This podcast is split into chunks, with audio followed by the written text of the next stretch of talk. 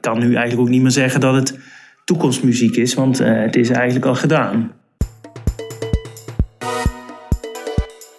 Mark van Meel is docent, onderwijsonderzoeker en onderwijsvernieuwer bij de opleiding Biomedische Wetenschappen in het UMC Utrecht. In dit gesprek praten we over biotechnologie, biomedische technologie, genetica, genetische modificatie en de gevolgen daarvan. Net als altijd kun je de show notes vinden op biohackingimpact.nl. Openbare lezingen die ik binnenkort geef, want meestal doe ik dat voor klanten of voor medewerkers over biohacking en aanverwante technologieën. Maar openbare lezingen komende tijd zijn de Quantified Self Meetup op 8 oktober 2019 in Utrecht. De Global Future Farming Summit op 5 november in Wageningen. KNVI Noord op 21 november in Groningen. De Permanent Beta Dag op 22 november in Amersfoort. Het Human Factors Congres op 28 november in Soesterberg. Het jaarcongres Gezondheidsrecht op 6 december 2019 in Utrecht. En inleiding bij de film The Matrix op 1 april 2020 in Groningen. Nou, wil je nou precies weten hoe laat het begint, uh, waar je moet zijn, of je ook entree moet betalen, of dat een openbare gratis uh, meetup is, dan kun jij dat zien in mijn nieuwsbrief. Ga daarvoor naar biohackingnieuws.nl. In deze nieuwsbrief die maandelijks uh, in je e-mail komt, deel ik eigenlijk ook alle ontwikkelingen die gaande zijn op het gebied van biohacking. Wat is mijn duiding daarvan? Wat is mijn visie daarop? en ik deel ook met welk persoonlijk experiment ik zelf op dit moment bezig ben. En daarnaast heb je dus een overzicht met alle openbare lezingen die ik binnenkort geef. Dus ga daarvoor naar biohackingnieuws.nl. Ga daarna ook naar biohackingboek.nl om meer te weten over biohacking, de toekomst van de maakbare mens. Dat is mijn boek die naar de tweede druk gaat, dus dat is hartstikke leuk. En in het boek komen ook een aantal dingen aan bod die ik in dit gesprek met Mark bespreek. Onder meer over het uh, belang van DNA-testen, wat je daaruit kan afleiden en niet. En hoe je daarop kan handelen of niet. En ook wat voor ethische en morele vragen er spelen. Niet alleen bij de analyse van DNA, maar ook bij het bewerken van DNA. Dus ga daarvoor naar biohackingboek.nl. Anyway, here we go. Mark van Meel, ik heb een quote van jou gelezen, staat volgens mij op je website. Mijn uitdaging is om studenten zelf tot inzicht te laten komen door ze te leren een kritische en onderzoekende houding aan te nemen. En toen ik dat las, dacht ik van dat is een mooie, uh, mooie doelstelling, maar ik was wel benieuwd hoe doe je dat? Het belangrijkste is dat ik ze wil leren om de juiste vragen te stellen. En misschien ook wel uit te stralen in hoe ik op hun uh, student zijn reageer. Dat uh, het stellen van goede vragen belangrijker is dan het kunnen oplepelen van de perfecte antwoorden. En dat is natuurlijk lastig, want uiteindelijk hebben we wel gewoon een tentamen en moeten ze ook dingen gewoon kennen en kunnen. Um, maar eigenlijk gaat het om de vraag en, en de nieuwsgierigheid achter die vraag. En ik probeer dus eigenlijk heel erg te belonen dat mensen die dat doen gezien worden en, en uh, ja, door mij eigenlijk heel erg in het zonnetje gezet worden. Ja, ja, want Mark Vermeel, jij, bent, uh, um, jij werkt aan de Universiteit van Utrecht, uh, doctor ingenieur. Uh, je hebt daarvoor in Wageningen biotechnologie gestudeerd. Um, en wat me wel integreerde in het voorgesprek is dat je zei van we zijn nu ook bezig met een programma dat ik oog voor impact ja. uit mijn hoofd. Ja. kun je dat toelichten? Want ik vond het een heel boeiend concept. Ja, de, de, afgelopen jaren was ik eh, in eerste instantie docent van een cursus die gewoon vakinhoud behandelde. De cursus Genoom, dat gaat gewoon over hoe werkt het DNA. En ik ben daarin een beetje verschoven. Ik ben nog steeds docent in die cursus, maar we zijn iets, iets nieuws begonnen. Um, dat is een cursus en eigenlijk een hele leerlijn, want je moet dat op meerdere momenten in een opleiding doen.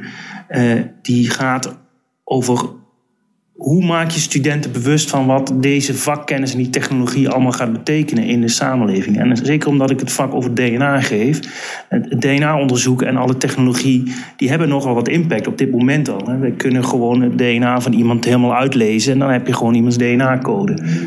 Oké, technisch behandel ik dat in mijn cursus, maar de vraag wat betekent dat eigenlijk? Wil je dat eigenlijk wel? Voor wie is dat uh, nuttig? Wie mag over die data beschikken? Die vraag die kwam helemaal niet aan bod in die cursus. En dat, uh, ik werd daar wel steeds meer uh, gevraagd om daar iets over te vertellen, over mijn vak. En eigenlijk ging het altijd over die dingen.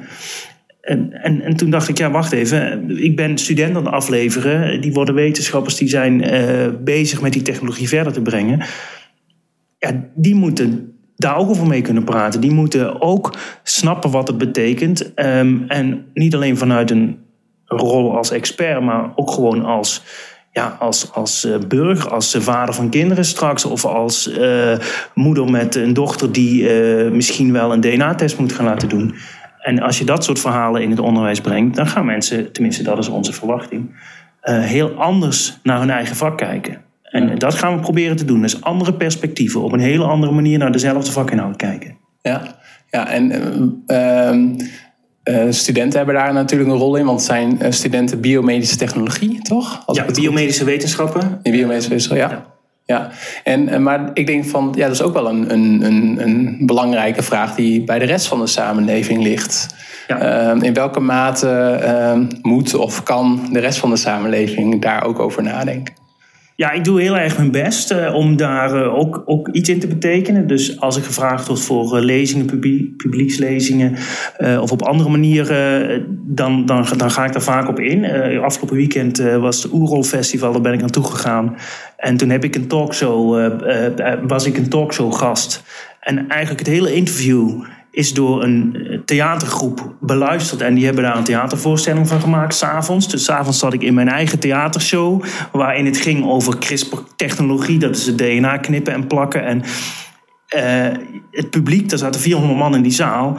En ik weet zeker dat als die naar buiten, uh, dat die, toen die naar buiten liepen, dat ze echt wel dachten van, ja, ja wat, wat, wat vind ik hier eigenlijk van? Misschien hadden ze er nog nooit van gehoord, of misschien wel. Maar het idee dat er in die zaal iets ontstond van, oh, wacht even, daar moeten we wel eens over praten. Of daar moeten we wel eens over nadenken. Ja, ja dat vind ik wel heel cool. Dus als we dat soort dingen kunnen doen, niet ik alleen, maar ik denk eigenlijk alle wetenschappers en dus ook mijn studenten, ja, dan moet je dat doen. Want dit, dit gaat ons allemaal aan natuurlijk. Ja, Jij bent in 2017 uitgeroepen of benoemd of uh, gekozen tot uh, docent van het jaar. Nu mag ik zelf ook af en toe een uh, gastlezing geven op een hoge, hogeschool of universiteit. Maar ik ben wel benieuwd toen ik dat las van hoe, hoe word je dat? Of wat zei die jury over jou? ja, het is dan nog best wel een, een, een zware selectie. In principe mag elke instelling, hogescholen of hoger onderwijsinstellingen in Nederland iemand uh, voordragen. Dus elke hogeschool, elke universiteit. Dus nou ja, dat betekent dat je dus uh, misschien wel 50 of 60 uh, eh, concurrenten hebt. Ehm, het leuke is dat eigenlijk je studenten de voordracht schrijven. Dus die moeten vertellen waarom jij zo'n goede docent bent. En um, wat de, de, de, jury bestaat ook weer uit andere docenten en bestuurders, maar vooral ook studenten. Uh, wat ze in ieder geval bij mij zeiden, was dat ik juist die combinatie van een inspirerende vakdocent, waarbij de studenten echt zeggen: ja, dat, die, je ziet ook dat hij gewoon vindt dat hij het mooiste vak van de wereld heeft.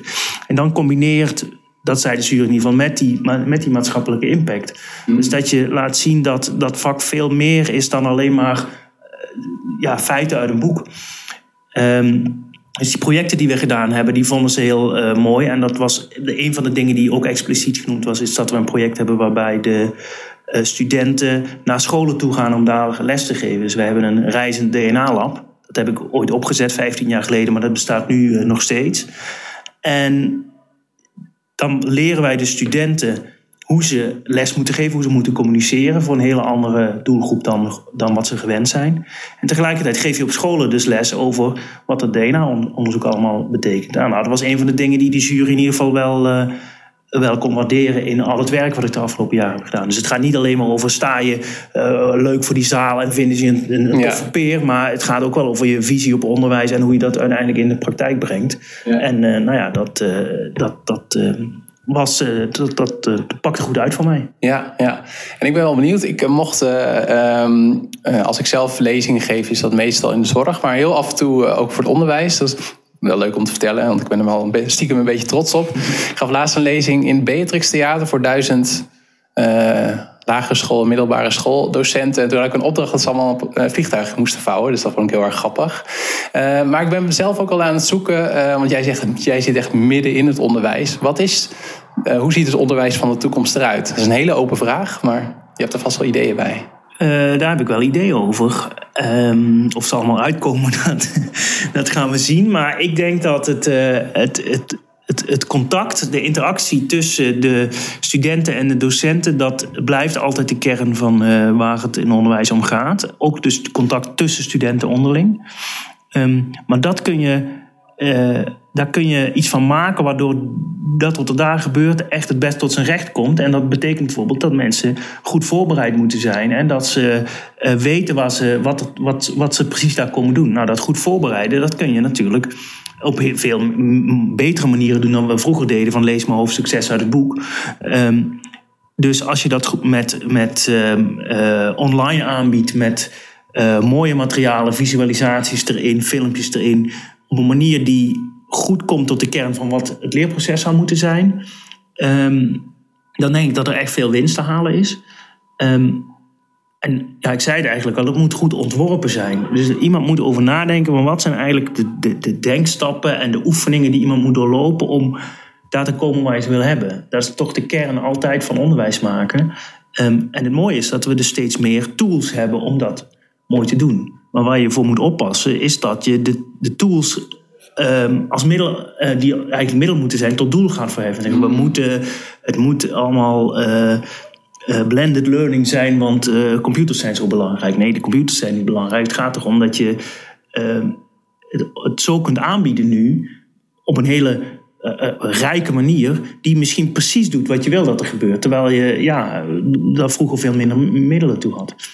Uiteindelijk denk ik dat leren iets is waar je andere mensen voor nodig hebt. En daarom zal het contactonderwijs, wat mij betreft, toch altijd een hele centrale plek hebben in, um, in, nou ja, in ieder geval in de onderwijs settings zoals we ze op een universiteit of een hogeschool kennen. Kijk, je, mensen kunnen natuurlijk ook individuele leertrajecten doorlopen.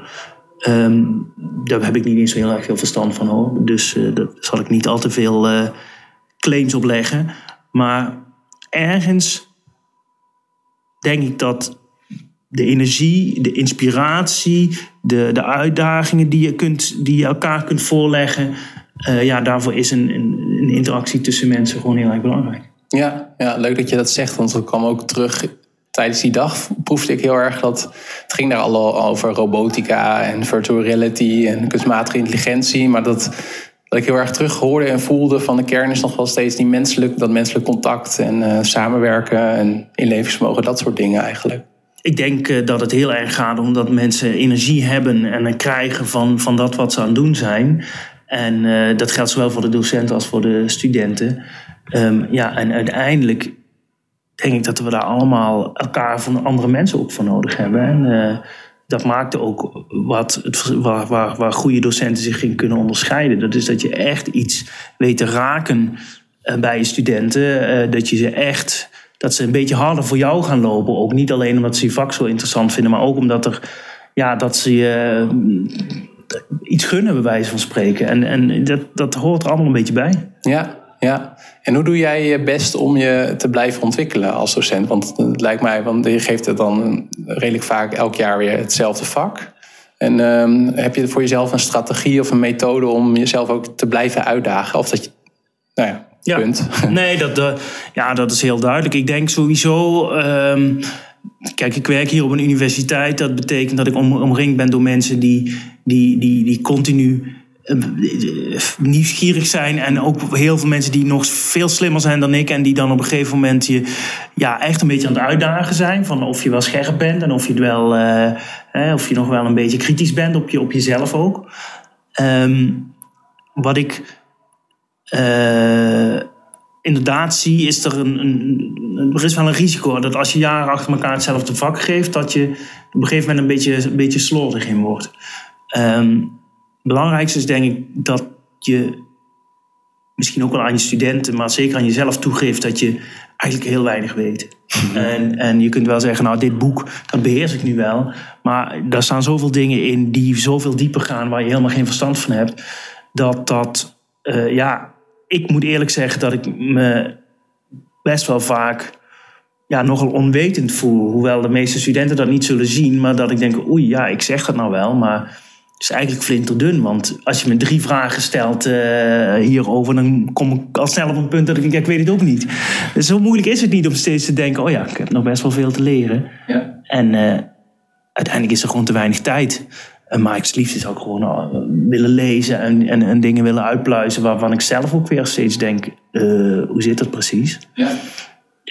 Er is geen enkele moeite om, om steeds te blijven leren. Ik, uh, ik, ik, ik, doe niet anders, zou ik bijna zeggen. Ja, nou, nu springen we weer, en dat is een beetje de aard van deze podcast, weer naar de, naar de vakinhoud. En misschien komen we zo wel weer terug op, uh, op docentvaardigheden in het onderwijs. Maar jij zei van, uh, jij zei, biotechnologie is een dringend en dwingend vakgebied. Uh, en dat sluit wel e-, eigenlijk wel mooi aan met wat je op net zei. Uh, wat vind jij op dit moment eigenlijk de meest spannende ontwikkelingen in dit domein? Ja, dan kan ik twee dingen noemen en uh, dat, dan, dan uh, kies ik daarna waarom ik dan voor een van de twee kies. We hebben natuurlijk de mogelijkheid om DNA te lezen en we hebben de mogelijkheid om DNA te veranderen, knippen en plakken. En die twee gaan ook samen op. En, en, en, en de combinatie daarvan maakt het ook zo ontzettend spannend. Uh, maar met DNA lezen bedoel ik dus gewoon letterlijk het uitlezen van DNA-codes. En dat kan bij mensen en dat kan ook bij dieren en planten. Ik vind mensen zelf het spannendst, omdat dat ook uh, is uh, waar ik over onderwijs, dat is ons vakgebied. Um, dan zie je dat we eigenlijk nog heel weinig weten van het genoom, van de complete DNA-sequentie. Als ik jouw DNA uitlees, dan krijg je een harde schijf met uh, 100 gigabyte data. Nou, dan kun je eigenlijk. Nou, jij zou er misschien wel iets mee kunnen, omdat je het leuk vindt om ermee te hobbyen. En er zijn allerlei websites waar je, waar je dingen mee kunt doen. Maar de vraag: wat weet je nou eigenlijk? Wat kun je nou eigenlijk zeggen over iemand? Als je het DNA hebt uitgelezen, die vraag kunnen we eigenlijk nog niet beantwoorden. Terwijl heel veel mensen denken dat als je dat DNA gelezen hebt, nou dan weet ik alles van je. Mm-hmm. Um, alleen het lastige is, er zitten soms wel dingetjes in het DNA die wel degelijk iets over jou zeggen. En waar je toch maar eens heel goed over moet nadenken of je dat eigenlijk wel wil weten. Uh, dan gaat het dus over erfelijke ziektes of uh, aanleg voor bepaalde, uh, om, bepaalde, om bepaalde ziektes te ontwikkelen. Um, en het feit dat we die techniek hebben. En tegelijkertijd eigenlijk iedereen het recht op een open toekomst gunnen. Van je mag zelf weten of je dingen wel of niet wil weten. Dat maakt het hartstikke ingewikkeld. Um, en, dan, en dan heb ik het dus nog niet over die vervolgstap dat je eventueel met zo'n uh, CRISPR-Cas-technologie, die knip- en plak-technologie, ook nog dingen zou kunnen veranderen in het DNA. Ik vind eigenlijk die eerste. Um, wat gebeurt er allemaal met ons als je op grote schaal DNA van mensen kunt gaan uitlezen en je zou dat ook gaan doen? Uh, die is veel urgenter. Dat speelt gewoon nu. Uh, sterker nog, we hebben uh, in het ziekenhuis situaties waarbij mensen voor kanker naar het ziekenhuis komen. En we willen snappen wat er met die tumor gebeurt. Dus dan lezen we het hele DNA van die, van die, van die tumor uit. Maar dan vinden we ook dingen die niet met die kanker te maken hebben, maar met andere dingen. Nou, hoe zorg je ervoor dat mensen eigenlijk voordat, ze, voordat we dat gaan doen, besluiten wat ze dan wel of niet willen weten? Dus iemand komt met kanker het ziekenhuis in, maar voordat we hem gaan behandelen, moet hij eerst een lijstje aflopen van wat wil je allemaal wel en niet weten over hele andere dingen. Als je dat niet invult, kunnen we, je niet, kunnen we niet aan de behandeling beginnen. Ja, dat is gewoon iets waar de meeste mensen helemaal niet over nagedacht hebben dat je zo'n vraag voor je krijgt. Maar het kan ons allemaal uh, overkomen. En hetzelfde geldt voor, uh, voor, uh, voor kinderen die geboren worden met iets waar je niet precies van weet wat het is. Het hoeven niet eens hele ernstige ziektes te zijn. Maar dat het dan op een vrij vroeg stadium de vraag komt: nou, we kunnen ook eens kijken of er misschien een genetische oorzaak is. Zullen we in het DNA kijken? Nou, je kind kan niet voor zichzelf beslissen of hij dat wel of niet wil. Dus jij moet voor je kind gaan beslissen Gaan we dat nou doen of niet? Nou ja, hoeveel mensen hebben daar al over nagedacht of dat nou een goed plan is? En hoe, welke mensen wil je eigenlijk om je heen hebben? Welke artsen en misschien ook een familie die je daarover advies geven? Nou, daar zijn we helemaal nog niet klaar voor. Of daar beginnen, beginnen we nu. Daar beginnen we nu in de artsenopleidingen en in, beginnen we een beetje, een beetje uh, ja, over na te denken. Hoe moeten we dat dan gaan doen? Hoe moet je mensen daarin begeleiden? Dus die vind ik eigenlijk heel uh, dringend. Als het over dringend gaat, dan is dat iets wat, wat gewoon, wat moet gewoon nu in de artsopleiding zitten. Ja. Commerciële DNA-test. Je stuurt je, je DNA naar een bedrijf. Je krijgt een uitslag. Je, je schrikt je een hoedje en je gaat naar de, naar de huisarts en zegt: hé, hey, uh, wat is dit? En de huisarts kijkt en denkt: ja, ik weet het eigenlijk ook niet. Ja, ja daar sta je dan. Ja. Dan kun je dan zeggen: is die huisarts, uh, ja, nee, dit is zo nieuw. En, en, en elk bedrijf geeft, geeft er ook weer zijn eigen, eigen draai aan. Dat je misschien de huisarts niet, eens kwalijk kunnen nemen. Dus dat is, dat, is, dat is nu. Daar moeten we het over hebben. Of dan moeten we iets voor verzinnen. Of dan moeten we mensen over inlichten of zo. Ja, persoonlijke vraag. Als je hem niet wil beantwoorden, moet je het zeggen. Uh, want je noemde dat je ook, uh, dat, ja, je partner hebben ook kinderen. Uh, stel je voor dat je inderdaad over, nou, laat ik zeggen, over tien jaar dat je wel echt al, van alles nog meer kan voorspellen aan de hand van DNA. Zou je dat dan doen bij de hielprik bij wijze van, of nog eerder, of niet en waarom? Um, nou ja, dat is op zich wel een he hele uh, urgente vraag. Want die, die vraag die speelt nu bij ons thuis. Niet omdat onze, uh, een van die kinderen, nou, de, de, oudste, onze oudste zoon, die is vijf, die is, um, die is niet ziek, maar die is heel klein. Mm. En uh, ja, verder kerngezond. Uh, maar op een gegeven moment zeggen ze bij het consultatiebureau van... goh, ja, hij blijft wel een beetje achter op die curve. We gaan toch maar eens naar een kinderarts. dan gingen we naar een kinderarts. Nou ja, man is hartstikke gezond, dus uh, nou, dan ga je er naartoe. En nou, kinderarts kijkt. Ja, alles gemeten, bloed, alles wat je erop kunt... Nee, is helemaal gezond. Nee, is allemaal goed. Er is ja. echt uh, niks aan de hand. Maar ja, misschien is er toch iets... Je kunt ook naar de genetica. Toen zaten wij, voordat het wisten, bij de genetica. Nou, dat zijn je deze zelf middenin? Het zijn gewoon mijn collega's hier om de hoek. In, het, in, het, in het Wilhelmine Kinderziekenhuis zaten we. Oké, nou ja, misschien is er wel iets aan de hand met een van degenen die met groei te maken hebben. We kunnen daar eens kijken. Willen jullie dat? Nou, toen hebben we besloten van dat willen we wel. Ook om, ja, ja, je weet misschien dat er toch iets aan de hand is wat we nog niet wisten. Er kwam ook niks uit. Het was helemaal goed. Maar vervolgens zegt uh, die kinderarts, of die uh, klinisch geneticus was het in dit geval. Ja, we hebben dus verder niks gevonden. We hebben eigenlijk eh, geen. Maar we zouden ook nog een whole exome sequencing kunnen doen. Dat is iets minder uitgebreid dan een whole genome. Maar dus in feite alle genen die we kennen. Die coderen, zeg Die coderen oh, voor eiwitten allemaal bekijken. Dus alle niet-coderende stukken, die slaan we even over. Want dat is wel heel erg ehm, uh, veel werken, ook nog relatief duur. Ja. Maar die whole exome kijken we gewoon op die, die, die, die hotspots, zeg maar. Ah, en uh, ja, willen jullie dat? En uh, ik weet het niet. We hebben gewoon gezegd van nou, nu niet. Uh, ja. ja. het lijkt erop dat er verder niks aan de hand is. En hij is hartstikke gezond. We houden het gewoon nog een tijdje in de gaten. We blijven ja. op controle komen.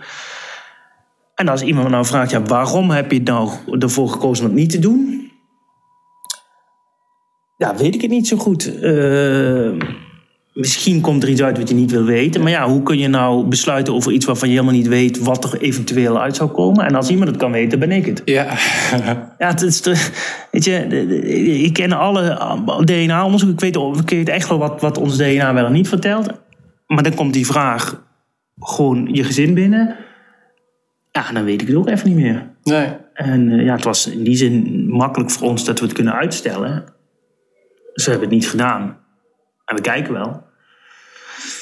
Um, maar dan, dan, dan blijkt dus ook maar hoe beperkt de, de, de, de, de kennis is in, in, in, als raadgever.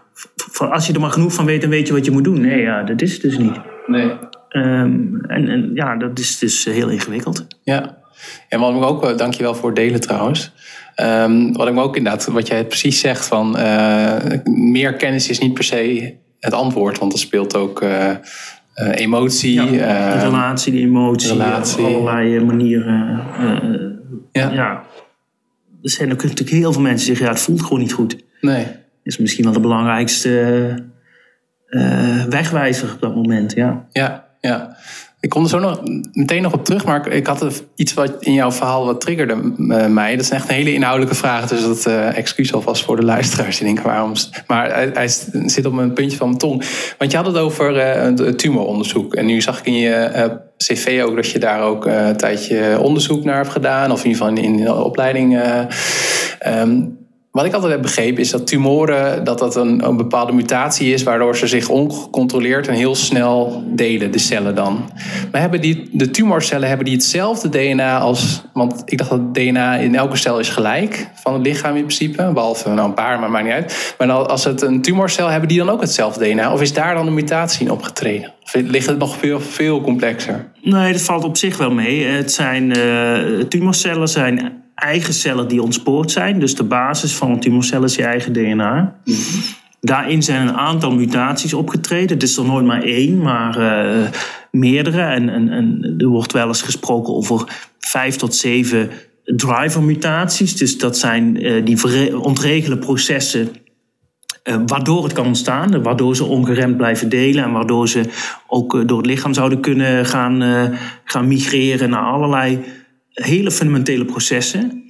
Um, maar het is niet zo dat het complete DNA van die cellen anders is of helemaal overhoop gehaald wordt.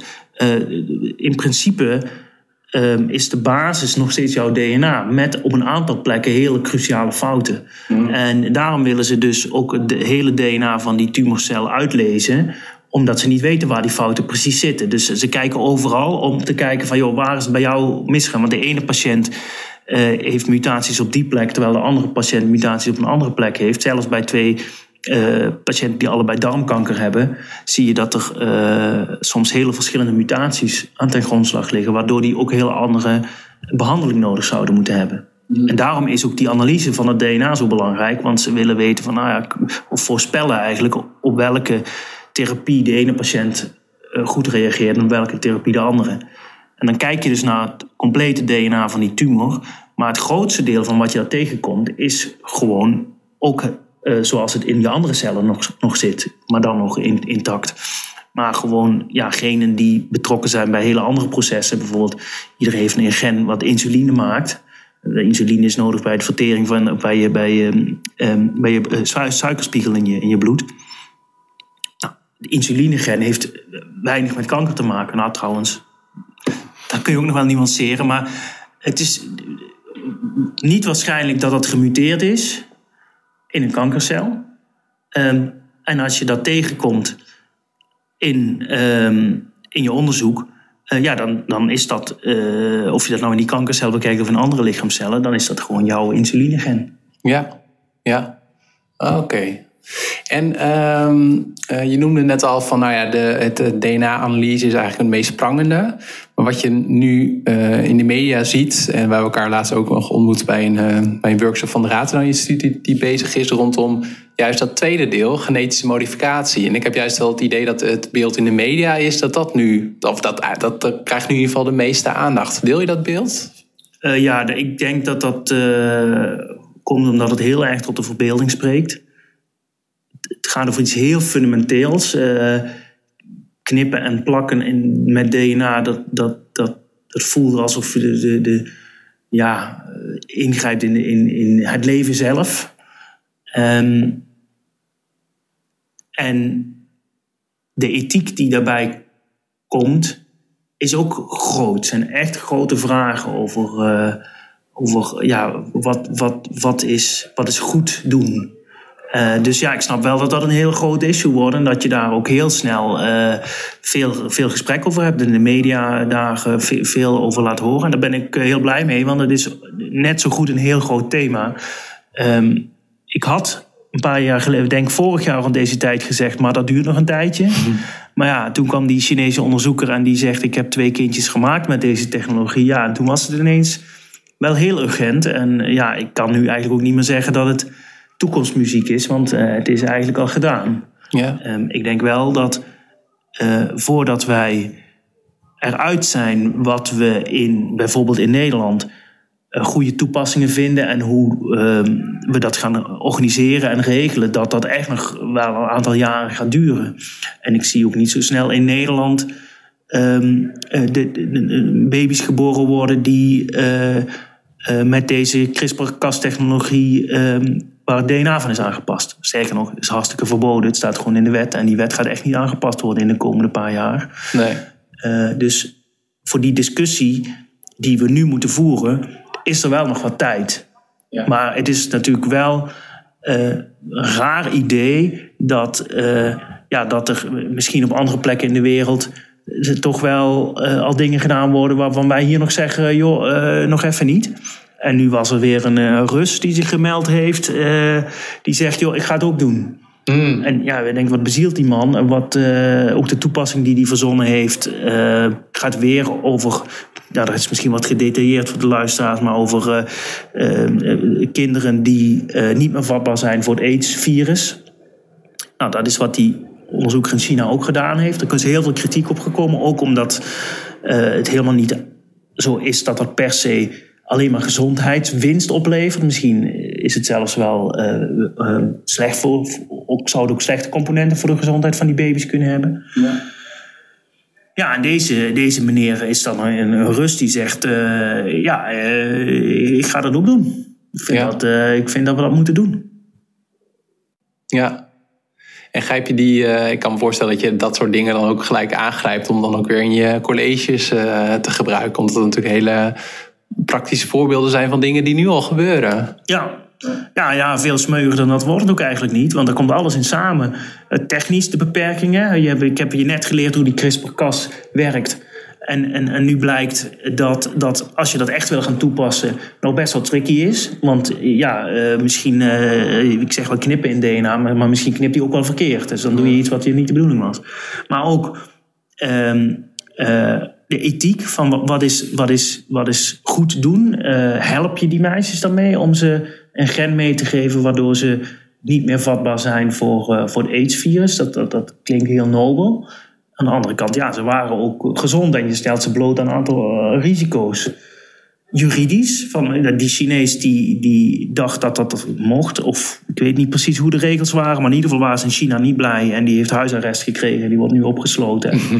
waarschijnlijk einde carrière ja, hoe zit dat met die regels in andere landen? Uh, mag het in Rusland dus blijkbaar weg? Weet je, zijn, dus je krijgt eigenlijk uh, een heel palet aan, aan, aan uh, aspecten die er allemaal mee te maken hebben, die veel verder gaan dan alleen maar de biomedische kennis. Ja. Van hoe, hoe werkt dat knippen en plakken? Ja. Het, het gaat over zoveel meer, dus dat zijn voor mij natuurlijk cadeautjes voor, voor onderwijs, dat snap je. Ja, ja. ja een andere dimensie. Um want zo kwam ik kwam jou eigenlijk op het spoor. Want ik, uh, een tijdje terug was ik gevraagd om een, uh, in, in een klooster in Helvoort. Ja, ja dat was ook. Ja, was ja precies. Bij Den Bosch uh, voor de VGS. Nou, uh, Joost, als je luistert. Uh, maar dat was een, alle gereformeerde studentenverenigingen deden daarvan, die kwamen daar. En ik weet nog dat ik een voorgesprek met die, met die studenten had en zei van, nou ja, ik ga het ook hebben over chips in het lichaam en genetische modificatie, maar niet, ben niet te diepte ingegaan, want dat zou jij doen. Um, volgens mij heb je dat ook gedaan. Maar ik ben wel benieuwd, hoe uh, heb jij, uh, dat is vanaf jezelf gelovig bent of niet, heb jij een idee van hoe daar vanuit zeg maar, religies naar wordt gekeken? Want rondom genetische modificatie wordt ook wel eens gezegd dat we daarmee als mens voor God spelen. Ja, ik denk inderdaad dat je dat beter kunt vragen aan mensen die, die gelovig zijn. Ik ben zelf niet gelovig en ik. Ehm, probeer me wel te verplaatsen in, in, in anderen en dus ook goed te luisteren naar wat ze dan zeggen. Um, een van de aspecten die ik interessant vind, is dat het, als het over deze discussie gaat, het aanpassen van het DNA van embryo's. Hè, want we hebben het dan eigenlijk over een reageerbuisbevruchting, waarbij je nog iets extra's toevoegt, waardoor dat gen geknipt en geplakt, dus eigenlijk gerepareerd wordt. Um, dat raakt aan allerlei andere toepassingen en vragen rondom kinderwens en geboorte. Uh, bijvoorbeeld abortus, bijvoorbeeld, dus uh, prenatale testing. Dus er, is een zwangerschap en dan kom je via wat voor test dan ook te weten dat er iets mis is. En dan uh, uh, speelt dus de vraag of mensen daarvoor de zwangerschap zouden willen afbreken. Nou, dat heb je een hele discussie rondom de, NIP, uh, de, de NIPT, dus de, de, de test, de bloedtest waarmee Down-syndroom wordt aangetoond. Ja, moet je die test aanbieden? Nou, dat leidt misschien tot meer uh, abortussen. Nou, er zijn mensen die daar tegen zijn om die reden. Het, het, de, de, zwangerschap is al een aantal weken onderweg. Er zit een kindje in de buik dat kun je niet en dat mag je niet en dat zou je nooit moeten willen beëindigen. Nu zeggen we nee, we gaan daarvoor zitten. We gaan eigenlijk voordat het, uh, de zwangerschap tot stand gebracht is, gaan we een techniek toepassen waarmee je uh, zoveel mogelijk zorgt dat er een gezond kindje komt.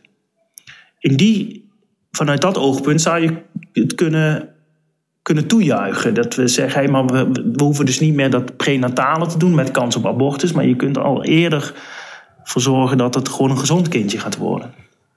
Um, lastig daaraan is, is dat we het over embryo's hebben, waarbij er ook mensen zijn die, um, als je het hebt over de beschermwaardigheid van de embryo, die dat, die dat uh, uh, eigenlijk vanaf de eerste, vanaf de bevruchting, um, ja, dat, dat volle beschermwaardigheid geven. Dus dan mag je dan niet, het mag je niet weggooien, dat mag je niet vernietigen. Dat is, dat is het leven en daarmee moet je um, heel zorgvuldig omgaan.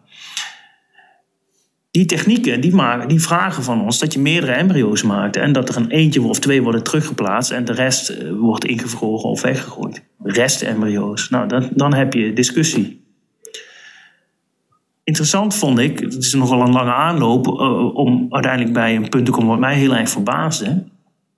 Maar ik snap het wel. Um, deze techniek, dat knippen en plakken, uh, dus embryomodificatie, wordt vaak um, genoemd als een soort aanvulling op embryoselectie, wat we ook al doen. Ja.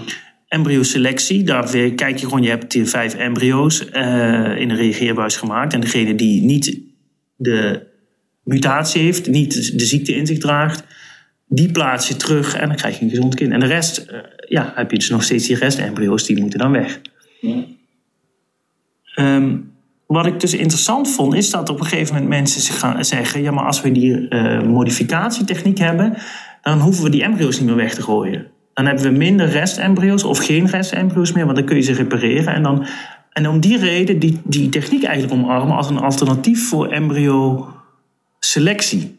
Selectie betekent je gooit een deel weg. En repareren betekent je hoeft ze niet weg te gooien. Je kunt ze, oh, je kunt ze repareren en dan zijn ze weer goed. Ja ik vind dat. Ik vond het een interessante gedachte, maar ik vind het ook wel een naïeve gedachte. omdat je voor het toepassen van deze modificatietechniek echt wel heel veel embryo's moet gaan maken, omdat het maar soms maar goed gaat. Het is een kansproces, dus uiteindelijk gooi je er nog steeds een heleboel weg. Ja.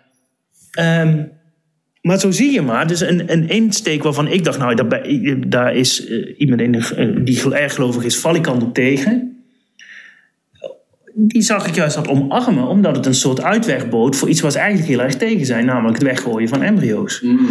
En ja, dat vind ik dan wel interessant. Um, een ander ding was dat wij geen onderzoek mogen doen aan embryo's, of eigenlijk we mogen geen embryo's creëren om er onderzoek aan te doen. En creëren bedoelen ze daarmee een eicel bevruchten met een zaadcel, met een ander doel dan er kindjes mee oh. maken. Dus in het laboratorium mag je niet een menselijke eicel en een menselijke zaadcel samenbrengen als het niet de bedoeling is. Om de... Nee, dus nu wordt onderzoek gedaan met restembryo's, toch? Dus je mag alleen dat onderzoek doen met restembryo's, maar dat heeft een nadeel, want het gaat ons juist om die eerste celdeling. Ja, ja, ja. Want daarin moeten we experimenteren of dat wel kan, dat knippen en plakken. Dus die restembryo's, daar hebben we eigenlijk niks aan. Hmm. Nu um, is daar een verbod om dat soort onderzoek te doen. En uh, vanuit de. Ik, ik, kreeg een reactie van iemand die zei. En dan zou het misschien een oplossing bieden. als we synthetische embryo's kunnen maken. Um, en dat was iemand uit de gelovige kringen. Uh, dus die zei dat verbod moeten we handhaven. Want je mag dus echt niet een, een, een menselijke eicel en een menselijke zaadcel bij elkaar brengen. En dat is dan, ja, denk ik, leven uh, wat beschermd zou moeten worden. Dus dat mag absoluut niet. Dus als we nou onderzoek um, ondersteunen wat uh, leidt tot synthetische embryo's, dan hebben we misschien een oplossing. Dat vond ik als bioloog ook heel interessant, want wat is dan een synthetisch embryo? Stel nou, uh, wat, wat, wat er dan aan gedacht wordt, is stel we nemen gewoon normale lichaamcellen van jou, een stukje van je huid of zoiets, en we kunnen dat terugvormen, uh, dedifferentiëren en redifferentiëren heet dat dan, in de richting van een zaadcel. Dus we pakken niet je zaadcel, maar we maken uit je, uit je cel uit je huid maken we een mm. zaadcel. En misschien uh, maken we van een, bij een vrouw kunnen we iets wegnemen, maken we een eicel van. Sterker nog, misschien kunnen we wel van mannelijke cellen eicellen maken. Geen idee of dat kan, maar er zijn speculaties en er is ook wel wat onderzoek naar dat dat misschien zou kunnen. Dus je maakt een, een, een zaadcel van iets wat helemaal geen zaadcel was en een eicel van iets wat helemaal geen eicel was. Die breng je samen. Dan heb je in feite een embryo. En dat noemen we dan een synthetisch embryo. Maar wat is dan de status van dat? Is dat dan... Ja. Is, biologisch is het feitelijk hetzelfde als wat we normaal gesproken ook hebben. Een eicel en een zaadcel samen. Maar geeft dus blijkbaar toch een andere, heeft dan blijkbaar toch een andere status. En voor sommige mensen een, ja, een andere bescherming nodig. Ja, ik heb geen idee. Maar ik vind het een wonderlijke idee dat je bezig bent met technologie. Ja. Die zo ingrijpt op de geloofsovertuiging, levensovertuiging van mensen. Dat daar ja, dat er, dat er de ene keer fel protest is op iets waarvan ik denk, hè, waarom zo fel? En de andere keer iets breed omarmd wordt waarbij ik denk, hè, daar zou je toch ook tegen moeten zijn? Ja. D- dat is heel bijzonder. En eh, ja, ik kan me er moeilijk in verplaatsen, want het is niet mijn wereld. Ja, ja, ja, leuk dat je dat zegt. Ik had ook, eh, ik had, eh, ik had aan de groep eh, publiek toen een stelling gegeven, omdat ik het ook over kunstmatige intelligentie en dat soort dingen had. En vroeg ik van, heb je nou in deze tijden, ik zeg dat ook als niet gelovig hoor, dus als je wel religieus bent, laat het vooral weten. Maar ehm, eh, van heb je juist nu meer houvast aan je geloof of juist minder houvast? En de- groep re- reageerde daar ook heel verschillend op. Sommigen zeiden dus van ja, ik heb juist dan nu meer houvast eraan. En anderen zeggen nou, door al die ontwikkelingen minder. Maar het is interessant wat jij zegt, dat, eh, dat daar ook per casus ook weer anders op Ja. eh, naar gekeken Ik, ik wordt. heb een stemming gedaan in die, eh, in die zaal. Er zaten denk ik 200 man of zoiets. Allemaal studenten. Nou, ehm, Ja, de- diverse richtingen inderdaad. Ja, ook. gewoon uit Ja. heel Nederland. helemaal niet met deze achtergrond. Maar ik had een vrij toegankelijk verhaal. Op een gegeven moment was het... wie zou ehm, eh, zo'n embryomodificatie overwegen... Als, je daar een, als er een ernstige ziekte in de familie is... eh, en je kind heeft daar kans op en je kunt dat dus repareren. Nou, waren echt wel wat. Ik denk ongeveer de helft van de, me- van de mensen die zeiden... nou, dat zou, eh, dat zou ik wel eh, doen of zou ik wel overwegen. En dan zo'n beetje zo... Dus 50-50 is eigenlijk altijd de reactie als ik deze vraag stel... in alle zalen in heel Nederland. Of het nou bij studenten is of bij... Ik ben een keer met de Rotary geweest of het is bij... Het maakt allemaal niet zoveel uit. Ja. Ongeveer half-half. Ehm, maar bij deze groep eh, had ik ook dat verhaal van die NIP-test. Dus zou je Down-syndroom testen tijdens de zwangerschap. Ja, dat was zo goed als niemand. Ongeveer 10 op die 200. Ja. Terwijl dat in een, eh, in een andere zaal hier met studenten in de, of op de Uithof heb ik het ook wel gedaan, in een grote collegezaal, 300 man. Is, eh, is het toch ook iets meer dan 50% mensen die het wel doen. Dus daar zie je heel duidelijk verschil. Die NIP-test, hoe mensen daarin staan. Ja. Ehm, en dus ik had stiekem, nou niet stiekem, ik had eigenlijk gedacht dat die embryo-modificatie ook een absolute no-go was. Ja. Eh, maar dat was niet zo. Nee. En ik snap nu wel wat er dan achter zit, heb ik net allemaal uitgelegd. Ja. Maar ehm, het verschilt inderdaad, wat je zei, per, per casus bijna ook. En eh, ja, dat is wel interessant. Ja, ja.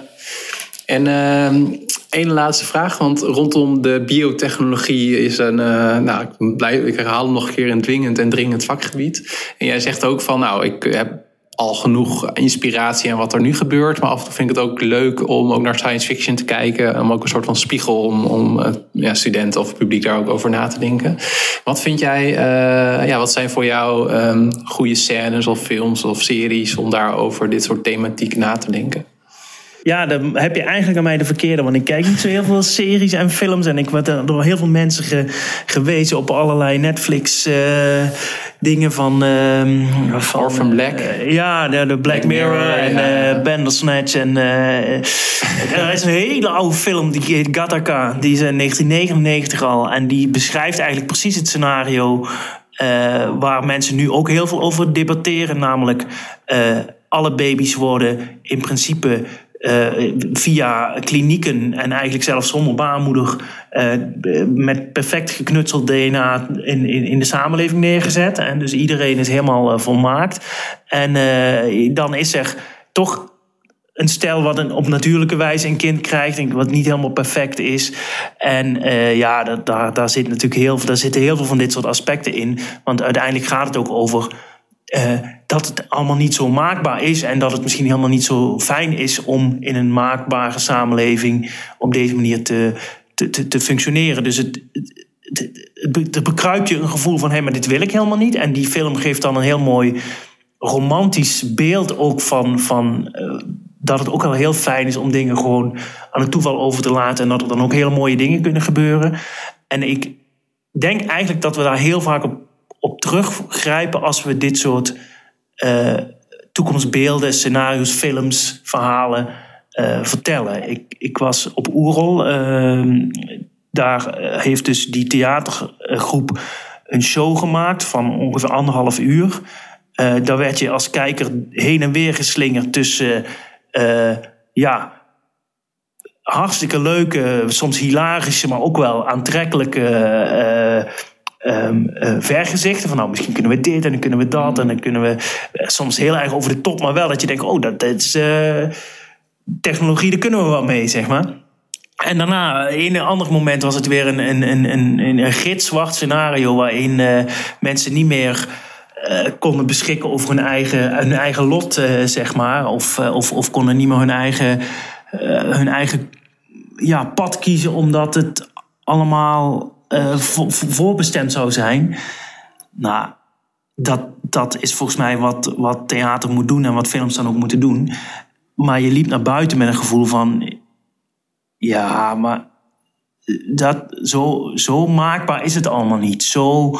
Uh, um, er is toch ook nog een plek voor het toeval en voor een soort romantisch beeld van we, we zien wel wat er gebeurt. En ik denk dat dat ja, dat zit ook gewoon in ons. En ik heb helemaal niet zo'n. Uh, ik heb geen angst voor de toekomst, helemaal niet. Maar ik, ah, helemaal, dat komt niet omdat ik vol vertrouwen in die technologie heb, maar meer omdat ik een soort, ja, misschien is het naïef of romantisch, maar een beeld heb dat, ja, dat, dat mensen het zover niet laten komen en dat we wat we echt belangrijk vinden, eh, toch altijd wel ja, daar ruim baan aan geven. En uh, ja, ik kan me niet voorstellen dat iedereen uh, voor IVF zou kiezen. Alleen al het feit dat uh, kinderen maken zo leuk is. ja. Weet je, als je daar. Het is natuurlijk een beetje gekscherend, want je kunt oefenen zoveel als je wil. maar het is nogal wat om um, alles rondom kinderwens en geboorte tot een, tot een, tot een ziekenhuisingreep te maken. Uh, helemaal te medicaliseren. Met een IVF-behandeling doe je echt niet voor je lol. Dat is heel ingrijpend met hormoonbehandelingen en uh, proberen en het mislukt en nog een keer teleurstellingen, alles. Weet je, als je dat als, dat niet, als daar niet een, een grote noodzaak voor is, omdat er iets heel ernstigs speelt, of omdat er echt grote risico's zijn, kan ik, kan ik me niet voorstellen dat mensen daar massaal voor gaan kiezen. En zeker niet als het zoiets triviaals gaat als blauwe ogen of uh, de kleur van je haar. Nee, nee, precies. En uh, nou, uh, Gattaca, ik moet erbij zeggen, waarschuwen dat ik, ik heb hem laatst ook gekeken, dat ik hem wel een beetje traag vind. maar het is een beetje naar de huidige. Het is, het, het, is ook een, het is ook een slechte film, maar het, nou, uh, het verhaal. Ja. Het is wel, wel leuk om te bedenken. En zo, hè? Wel best wel goede acteur. Ja, dat is waar. Ja, ik vond het toen. Ik heb hem toen, toen hij net uit was gezien, toen was dat wel een beetje hoe films gemaakt werden. Ja. Um, en toen vond ik het al een beetje matige film. Maar ik vind hem eigenlijk nu steeds interessanter worden. Juist omdat er toen in 1999 een, ja, een, een discussie op gang gebracht was. die toen helemaal nog niet relevant was. We konden dat helemaal niet. Nee. En dan denk je, oh, weet je, dat is echt zo'n science fiction. Dat is uh, Jurassic Park over de top en dat gaat toch nooit gebeuren. Maar ja, we zitten nu uh, twintig jaar verder. En ja, het komt nu toch wel. Uh, ja, eng dichtbij zou ik bijna zeggen. Ja, maar los van het kijken van die film uh, en een, uh, een, uh, een publiek, publieksacademie van jou volgen, als luisteraars meer over deze, over biotechnologie, genetica, genetische modificatie, om daar zelf ook, waar we mee begonnen het gesprek, kritisch over na te denken. Wat zou je dan de luisteraar nog willen meegeven? Ik zou vooral naar dingen toe gaan waar er dialoog is, waar er over en weer gesproken is, waar je, waar je mee kunt doen. En het leuke is dat er nu ook een nationale dialoog uh, gestart is. Um, er is ook een website, dnadialoog.nl. En dat gaat over de vraag, het, uh, waar we het net over hadden, het aanpassen van DNA van embryo's. Wat vinden we daarvan?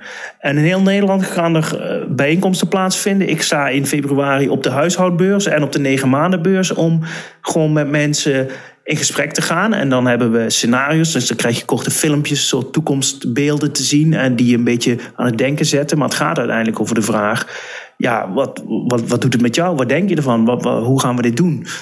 Um, dus het is ook heel leuk om naar een, een goede, inspirerende wetenschapper te luisteren die een mooi verhaal heeft. En ik, ik echt ga naar die colleges, theatercolleges. Uh, er zijn ja, Lieve Scheren is fantastisch. Echt, als je die show nog niet gezien hebt, uh, Vlaamse uh, wetenschapper en, en, en, en, en cabaretier. Ja, en ook een podcast een paar terug. Ja, hij is echt geweldig. En het, maar er moet daarna nog iets volgen. En meestal is dat dat mensen naar huis gaan en er thuis nog eens over praten of bij de verjaardag over praten. Uh, maar we gaan die dingen ook echt organiseren. Er zijn gewoon zaaltjes waar je biertje kunt komen drinken en over uh, eh, DNA kunt praten. Ja, ik vind dat hartstikke tof. ik kan me voorstellen dat een aantal mensen zijn die zeggen: je moet er niks van hebben. Maar ja, zelfs die mensen zou ik willen bereiken, al is dat niet makkelijk. Ik bedoel, jouw luisteraars zijn ook al een, een, een, een, select, een select groepje. En dat is wel waar je meestal uitkomt. Vind ik eigenlijk wel jammer. Maar goed, dus om een keer op de negen maanden beurs te staan, vind ik ja. dan toch wel tof, moet ik zeggen. Ja. En uh, laatste vraag, allerlaatste vraag. Als mensen meer over jou willen weten, ben jij uh, te vinden online, uh, Twitter, social media? Ja, uh, zit op YouTube heb ik een, een, kanaal aangemaakt waar ik allemaal filmpjes neerzet die, waar ik ooit in betrokken ben geweest. Ik maak zelf geen, ook niet actief filmpjes, maar er staat van alles wat we ooit gedaan hebben. En uh, het meest trots ben ik op de Universiteit van Nederland de filmpjes. Want die, uh, ja, dat was het begin van mijn carrière. Dat was het eerste dat ik op een podium stond. En uh, daar heb ik heel veel aan te danken. En uh, mensen vinden mij makkelijk via de website van de universiteit en Twitter. En hashtag, nee, wat is het alweer? Mark van Mil op Twitter of op Facebook. Ja. Um, ik ben niet heel actief daarmee. Maar als ik iets heb, dan, dan, dan, dan plaats ik het wel. En uh, wat ik wel echt leuk vind, daar ben ik heel trots op. Um, wij gaan heel binnenkort twee afleveringen van Klokhuis maken over DNA. En daar mag je meespelen. Dat is toch eigenlijk mijn grootste droom. om ooit een keer in Klokhuis te zitten. En dat gaat dus uh, waarschijnlijk komend jaar gebeuren. Oh, nou hartstikke goed. Nou, wil je deze thema een mail sturen, dan voeg ik dat toe, de linkjes uh, aan, ja, de, aan, de show notes. Ja, ik, uh, we gaan hem volgende week opnemen en uh, dan zal het vast in het najaar ergens een keer worden uitgezonden. Maar ik heb ook al in andere kinderprogramma's gezeten. De buitendienst is ook heel veel bekeken op, op scholen en, op, en thuis. En, en dus ik heb wel eens ouders gehad die zeiden van, hé, hey, ik zal met mijn kind te kijken en ineens zag ik je voorbij komen. naast Cookie Monster. Uh, ja, ja, ja, precies. Ja. ja. Hartstikke goed, dankjewel uh, voor dit gesprek. Graag gedaan, ik vond het heel leuk.